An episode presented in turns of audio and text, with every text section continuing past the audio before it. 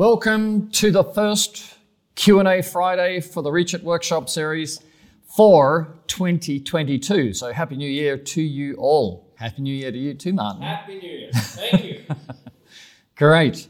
Okay, so we want to just uh, start off with a little bit of a, uh, a recap on 2021. It was uh, an interesting year. It's been a it was a great year for us, and but there's also a lot of challenges. And I know that throughout the world there are a lot of um, issues that that we all faced last year that are going to go through to this year to 2022. So I thought if it might be interesting to see what it what the world looks like because a lot of people are sort of insular in their businesses and then trying to understand well why is there massive inflation and um, and how does that impact us what's causing it and stuff like that so it's a it's an interesting study so basically inflation is you know everybody knows inflation is when the when prices go up but they don't always understand why prices are going up one of the reasons is, is a massive pumping of cash into, into the what's called the bottom of the market. So when the government puts money into the into the households, the households have more money to spend, and when they have more money to spend and they spend it, then there's more money in the system, which basically devalues the money and causes the the inflation. Inflation is the devaluing of money, right? So you have thousand dollars a week normally and you have um, 10% inflation, then you can buy 91%, 90, $910 worth of goods, you know, that 10% inflation later. So, so your disposable income becomes less, and then those of us who have got businesses, we can we would put our prices up in order to um, maintain the same profitability like that. But people are, who are on wages and salaries, they can't do that. They can ask for a pay rise.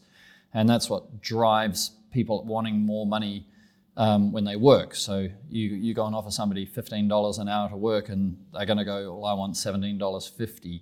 Or somebody's working for you for 15 and they want 16 and 17 and stuff like that. So, so that, that it becomes endemic in the system and it's, it's difficult to turn off. It does get turned off and it can be turned off, but it's difficult, especially if there's another. Um, I know, you know, in America, Joe Manchin is trying to resist a 1.75 or a 3.5 trillion dollar cash load into the bottom of the economy again because if if inflation is already out of control then then that's just going to you know exacerbate it right and um, so there's a lot of interesting things so i thought i'd show you just a couple of graphs so you can see from our side because we, we manufacture products so the first graph is um, the commodity prices so on this graph um, it'll be on your screen now. Um, you can see basically 2020 and 2021 and all these different products. So the index is the buyer's market, right? What's happening from the buyer's markets. And so you can see the prices have gone up, you know, through 2020, um, but they've gone up even more through 2021.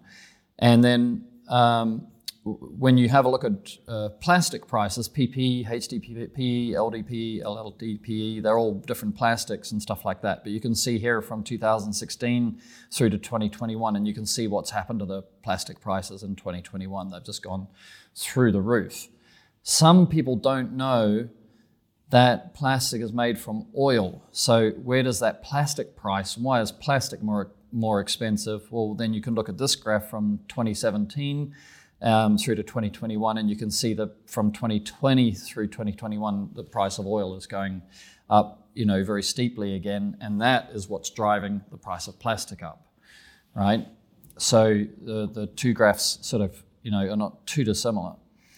Then we want to have a look at this one. This one's actually the um, the US dollar against the Chinese yuan. So 34% of all products made in the world are made in China. Um, and I know there's a little bit of an anti China sort of theme being played, but it's still in. Um, it's still a major supplying economy. It's a very efficient economy, and so the American dollar is becoming weaker, and that makes the Chinese yuan stronger. So if you look at you know from in 2020 the peak um, exchange rate between the two currencies and the current exchange rate um, that's about a 3.5% difference. So 3.5% doesn't sound like a lot, but when you look at it with all the other factors, where you see those graphs going up, the cost of goods going up, then you got a, you've got another 3.5 percent that the that if if um, if if you were going to pay $100 for a product out of a factory um, before, then now the, the, the, Chinese factory is going to get $96.5. And then, um, and then, so they're going to want to put their prices up because they're getting, they're selling in USD, but they're getting less money, right? So it's a 3.5% difference over the year. So that is another little thing which drives prices up. And then you start looking at the supply chain issues. You've all heard the supply chain. Like uh, we've got a container that docked in LA on um, December the 9th, and it got through American customs on December 28th, and it still hasn't got a truck to deliver it to a warehouse on January 3rd. Yeah. So so there's a whole you know there's a whole huge delay um, sitting in this. So what this this graph here is a little bit hard to read, but you can see that along the left side you'll see the scale. 50 is the marker to say that uh, shipping times are the same, and then above 50 means the shipping times are faster, and below 50 means the shipping times are worse. So you can see from 2010 to 2020, everything looked, you know, much of a muchness with a couple of dips and everything. And then you have a look at right at the end, the 2021, there's just really, really 30, 40 day delays sitting in um, shipping to Europe and to America. And the American dark blue line is, the, is worse. So that shipping time, how that impacts is that, so you buy a product from a factory, or your your your Walmart or a Sam's Club or um, or Home Depot or whatever, they buy something from a factory.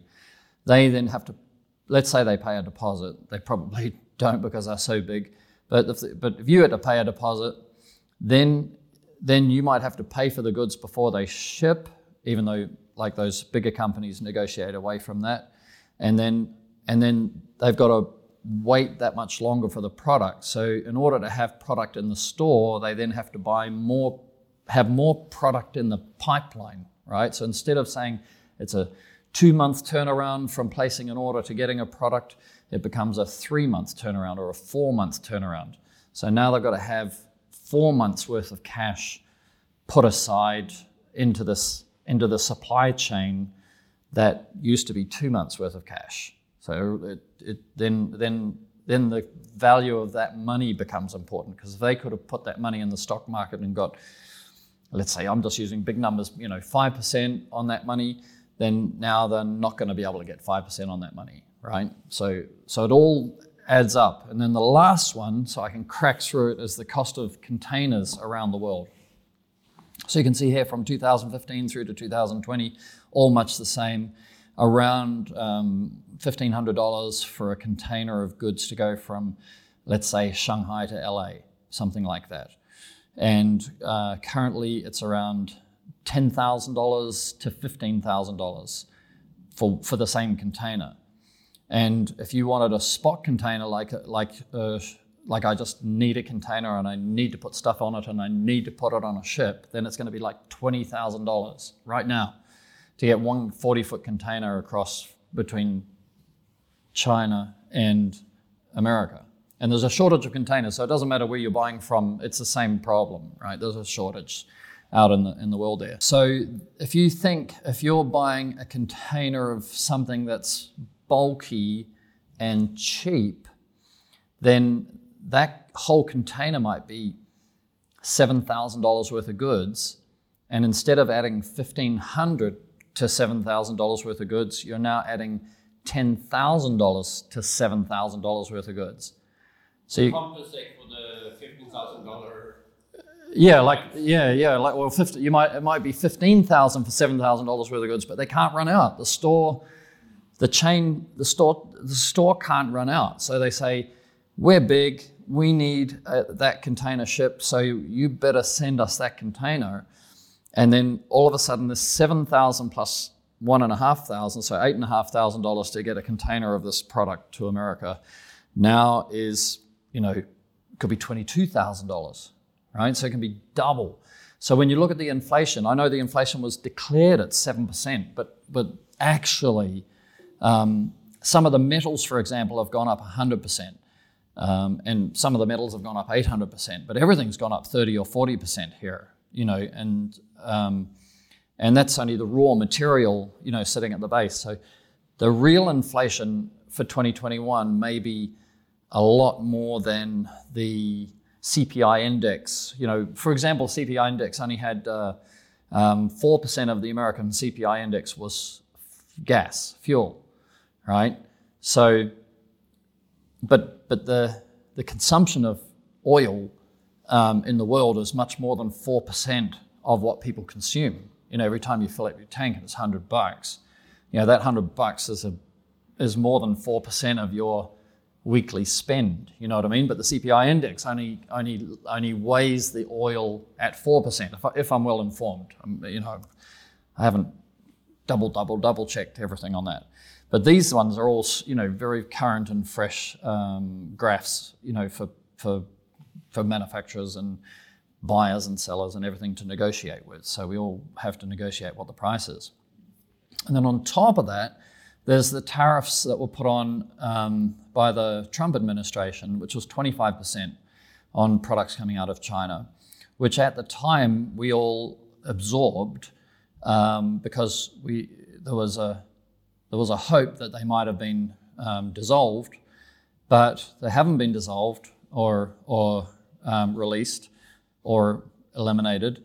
So then, in part of the negotiations, is what is a product cost, then all the people who said, well, we absorbed this as a loss for a period of time. Now, while all these other price rises are going on, we might as well take it to account, right? So that that's also highly inflationary if it's just if, if it went from no 25% tariff to always 25% tariff.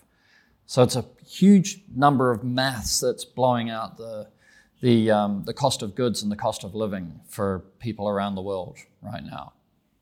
And that's all I want to say on that. Because it's complex, but, it, but, um, but I think if you see that, you go, there's a lot going on, right? There's a lot going on So in the world. Well, the thing is, that window cleaners, you know, I see in the in the forums, the the, the, the, the smart forums, they're definitely talking about, you know, do we put up, up our prices? How much do we put up our prices? You know, and the thing is that we're still a, in, in the commercial side of the industry is not discretionary or as discretionary, but the domestic, the residential side of the industry is discretionary. So the, where the impact will come to us, if somebody earns, you know, the household income's a couple of thousand dollars a week, and then um, and then out of that couple of thousand, they've got to pay this and they've got to pay that, and they've got it well managed and they've got it well budgeted, and they can afford their pressure washer and they can afford their window cleaner, and you know, but now that that two thousand dollars worth of buying power just became eighteen hundred dollars worth of buying power, or seventeen hundred dollars worth of buying power, or sixteen hundred dollars worth of buying power, then that now they've got to readjust their budgets and of the discretionary spends, they will have to say, well, do we have enough money for this? And that'll be the interesting thing to see in 2022 if there's an impact on, on people not wanting as much um, contractor services. Um, and then on the other side, we have less buying power with our money, so then we want to put our price up to compensate for, for inflation. And it's quite possible that that might nudge another bunch of customers over the edge to say, hmm, you know, $400 last year I could afford, $400 this year I cannot afford. So, um, and now you're 440, you know, or something like that, you know. So, so there's a lot of, um, there's a lot, there's definitely a lot of uncertainty. The, the reality is that life goes on. People with money have always got money. Um, and it's, it's really that the middle class uh, people who have got the, the, uh, the fixed incomes, they're the ones which kind of struggle through inflation.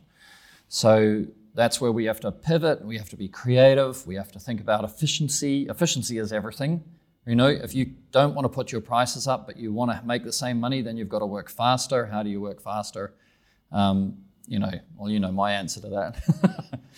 yeah, you roll, you rolled your eyes. but I mean, brushes. no, because there's also there's also a labour shortage, and the labour that if they are going to work, they want to work, they want to be paid more, and then so all the maths gets blown out. You might have run your business for the last five or six or seven years not on a on a certain set of math, and then um, and now that math is going to get you know needs to have some adjustment, and people want more money. So you've got to think, okay, well if they want more money, then they've got to do more for that money. Well, you can only do more for that money if you work faster. So then you have to provide the tools for them to work faster so that you can keep your profitability, you know, or you find another service that that that you can deliver at the same time while you're in the house, so you increase your efficiency in your in your in your route management because it's a cost between jobs often, which is critical. Service. Yeah, an add-on service. So you know, if you can, if you had, you know, three jobs at at uh, four hundred dollars in a day, right? So that's twelve hundred dollars. But if you could get two jobs at six hundred dollars, you might you'd deliver more value for the same result. But you've basically there's one travel trip that you didn't need to do, right? So you've saved the time and the cost of traveling between jobs like that. So route management, you know trying to consolidate your cus- more customers into a cluster rather than you know being spread out. Um, if you've got friends that are window cleaners, swapping customers, you know, going over and having a coffee with a customer and saying, "Look, this guy lives closer to me. That his customer lives closer to that. That customer lives closer to him. We want to swap, you know, and we're friends and we agree that this could be good, but it's the customer's choice, you know, like that." Can be great inefficiency not only when you work, but also how you align your different jobs Mm. in order to be able to save time there too. Yeah, because time is money if you can use money for time. Uh, sorry, if you can use time for money. So when I was selling franchises, that's what we would do. We would sell a franchise in an area, and then um, and then when we sold another franchise in a nearby area, then we'd call all the franchisees and saying, "Have you got any jobs that we can buy off you? Any customers that we can buy off you?" um, that you're spending a lot of time traveling to because we can give those jobs to the new franchisee who's got a lot a lot more time so so it's less critical for him and you can go and find another you know set of customers inside a smaller and smaller territory and increase your your performance yeah from a because the bottom line is it's it's it's all about are we making money for the lifestyle that we want you know something like that you know. So that's uh, You to make efficient stuff. yeah yeah everything everything about everything about our thinking is make life faster you know because i think convenient there's convenience and efficiency isn't there? Those are the they, they, they, they, they overlap. They're not mutually exclusive but they overlap. So um, yeah i think uh, i think for, i think 100% and, and if there's less workers um, or less affordable workers uh, then and you'll see there'll be less and less. The word in chemistry is radical, but but you can't use that about humans. Uh, um, if there are less workers in the unemployment pool uh, for you to be able to draw on, then the the the trend back towards made in America, opening new factories, um, bringing some of the supply chain home to America will mean there'll be less workers in the in the unskilled labor pool, right? Because the factories are going to take them up, and so then window cleaners and pressure washers may have less opportunity to secure the services of a, of a person in an unskilled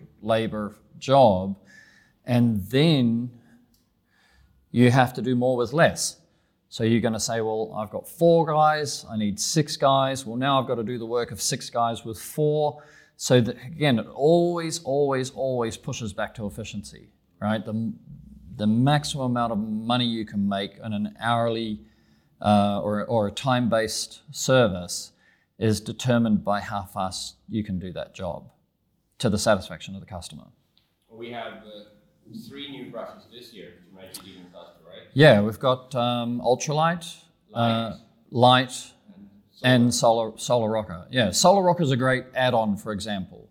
You know, if you could go to Google Street View and then and and go to not not Street View, Google Earth, and see all the houses in your nearby district that have got a a um, have got solar panels on their roof, and then use something like uh, Radius Bomb or one of or I think um, Dave Carroll's uh, Dope Marketing. He's also got targeted postcards. So maybe you could fire out postcards directly to those houses that have got solar panels saying, hey, you know, we've got, you know, affordable solar panel cleaning, you know, and we've and we won't damage your solar panels, you know, because we're experts, because we use, you know, silicon bristles if, if your solar panel's got an anti-reflective coating and stuff like that. Like it's going to be a time to increase the creativity of how to secure the customer how to win the customer, how to tell the customer about solar gain, which we're going to work on some videos this year, um, giving you some information and some ways of presenting solar panel cleaning for you to your customer um, as part of the service from us to you. That come out all right? Yeah. Yeah. Yeah. I think so. Yeah. Yeah. So we want That's a way for us to help uh, give some knowledge, information how to how to sell, sell how to sell solar panel cleaning because not everybody, you know. You choose to expand. To Yeah, yeah, yeah, yeah, yeah, yeah, yeah. But most window cleaners have got 80% of the gear to do to add solar panel cleaning, but they don't necessarily understand solar gain. Yeah. Pardon me. It's one thing to clean it, it's one thing to sell it. Yes, yes. In such a way that the customer sees value for money, you know, like that. So that's our um, that's our take on 2021. Now, if you have got any questions about um, about anything, any of this or anything that comes up in the rest of this um, Q&A Friday. Q&A Friday is all built on questions um, that we see online. People contact us on our live chat. We have phone calls um, or write emails or talk to our customer service, whatever. So that Even our social media, if it's on YouTube, it's Yep. Instagram, it's our Facebook, wherever a question comes in, we will put it down in our library and put it, take it out and like, okay, we Yeah, we do pick these. we pick like four or five a week and say, well, let's answer that in a way that you've got a, kind of a chatty podcast. It'll be in a, it's in podcast as well, so you can just you know listen away while I talk away. And um, but it, but I try and add the values, you know, from a scientific point of view, from a or from an experienced business person point of view.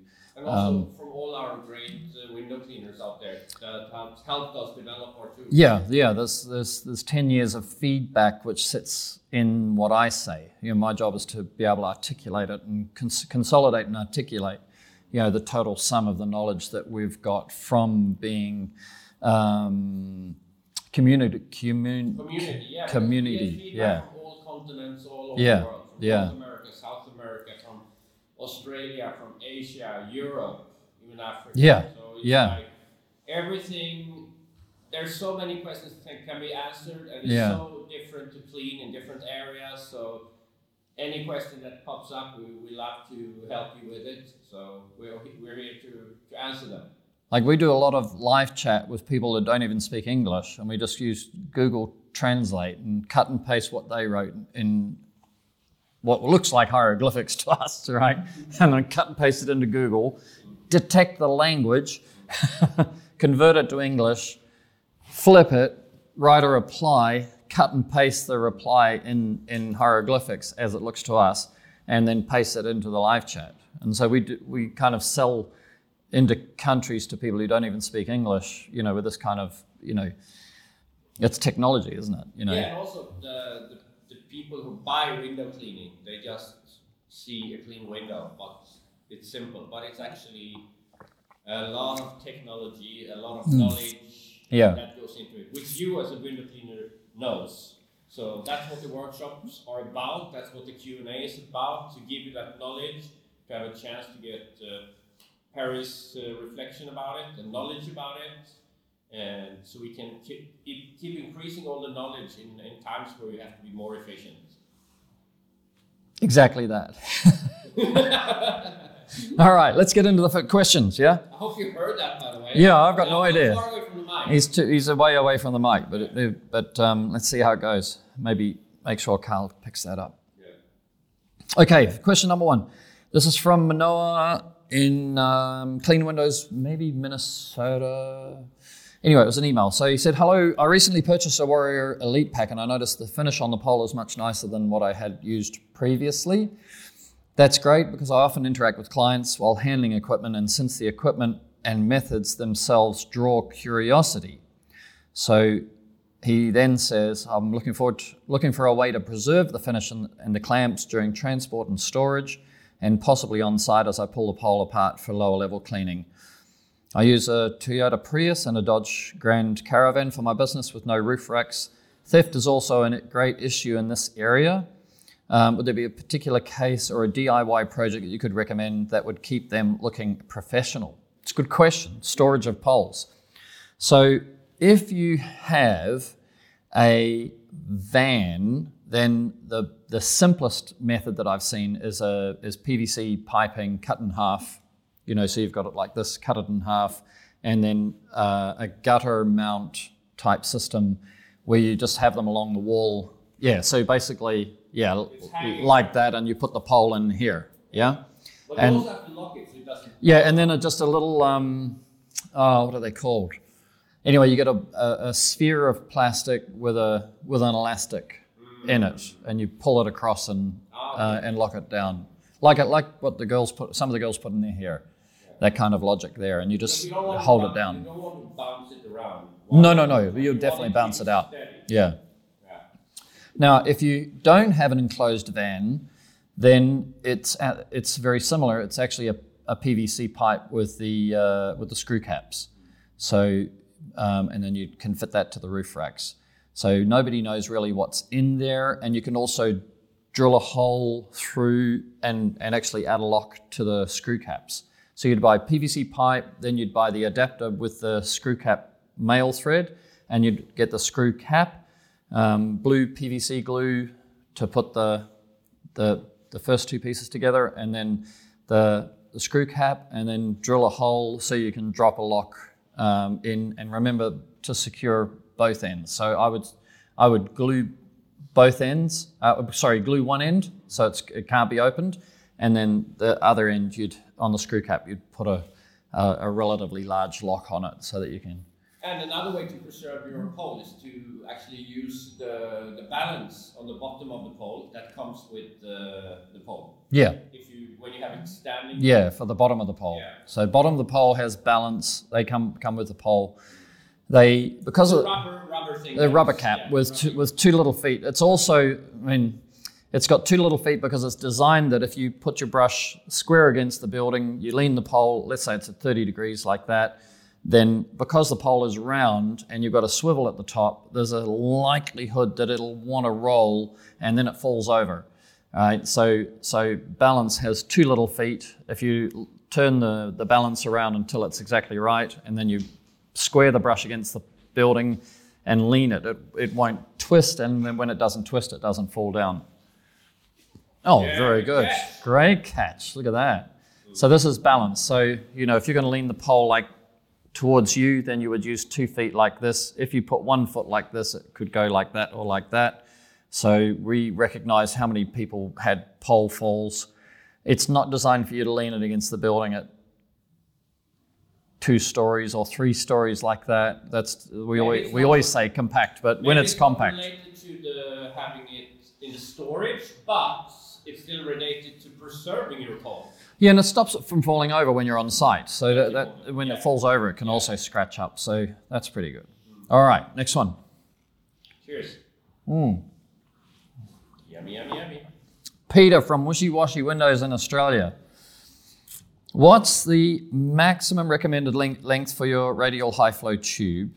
I already have 75 feet and I wanted to know if, if I should buy an, an 75 feet or 150 feet and then combine the two lengths for 225 feet. My personal thinking is that the maximum length of high flow should be 150 feet. There are guys out there with 300 feet, but to run with longer than 150 feet, you have to understand your fluid dynamics and you have to have good water pressure um, in the system.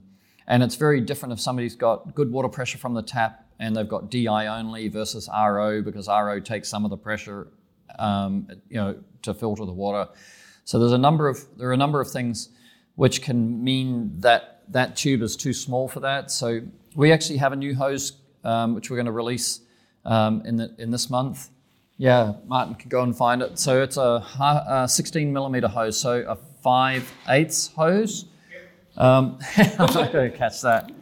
So this is high visibility, you know, high, not super high pressure, but but it's a very very nice hose, and uh, and so so for long run, this is uh, 150 feet. So for long run, um, this is actually ideal. So I know we get asked this question so much that I thought, well, I'll solve the problem because American garden hose is really big and hard to handle, right? And it's um, so it's just clunky. It's, it's, so there's more efficiency in saying, look, you don't need the the garden hose size.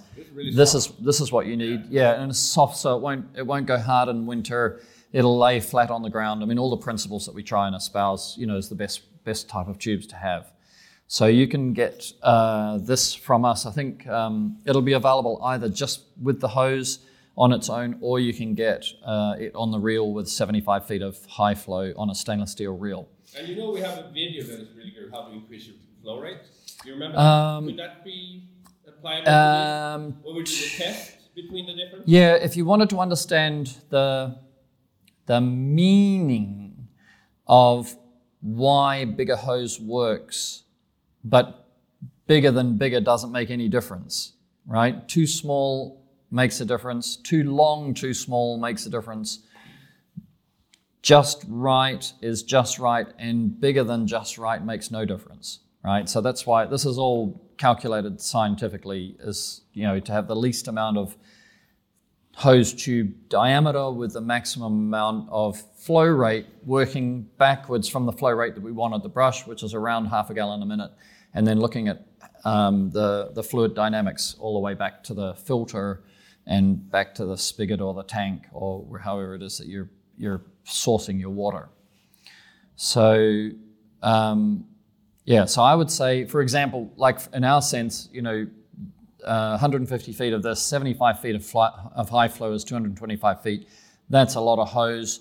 You could cut this in half and join it with a push fit. So we'll make sure that those are in the in the in the tank. And the and the idea is, you know, don't use more hose than what you need because all hose reduces. Um, all hose has resistance. Resistance creates um, a back pressure, and then the back the fact that you've got resistance and back pressure means you've got less flow rate, right? So Whew. Yeah. So, what was the name of that video? Did you find it? Yep, I found it. I think it's in one. YouTube. What's the actual name of it? Oh yeah, that's it. Why not? Why to not use 5 16th inch 8 millimeter tube in YouTube? Why to not use 5 16th inch? Oh, it's pretty smart. Hold it in front of the camera. Yeah. Yeah, it looks like that. Why to not use 5 16 inch 8 millimeter tube? And there you can see difference between different hoses and how yeah. it makes your flow rates. Yeah, that's a really, really good video. What was the brush we used then? Was it? We used for that one. We used a deep frame. And did it have the? Did yes, it have? it has the radial. Uh, the radial jets. Right. plus jets. Right. So that's a really good video. You can actually see the, how the different hoses affect the flow rate, and it's incredible. So it's a great video. Yeah, it is a great video. And it also gives you the way to check what your flow rate is and teaches you that quite easily. Done with that. Thank you, buddy. Fantastic.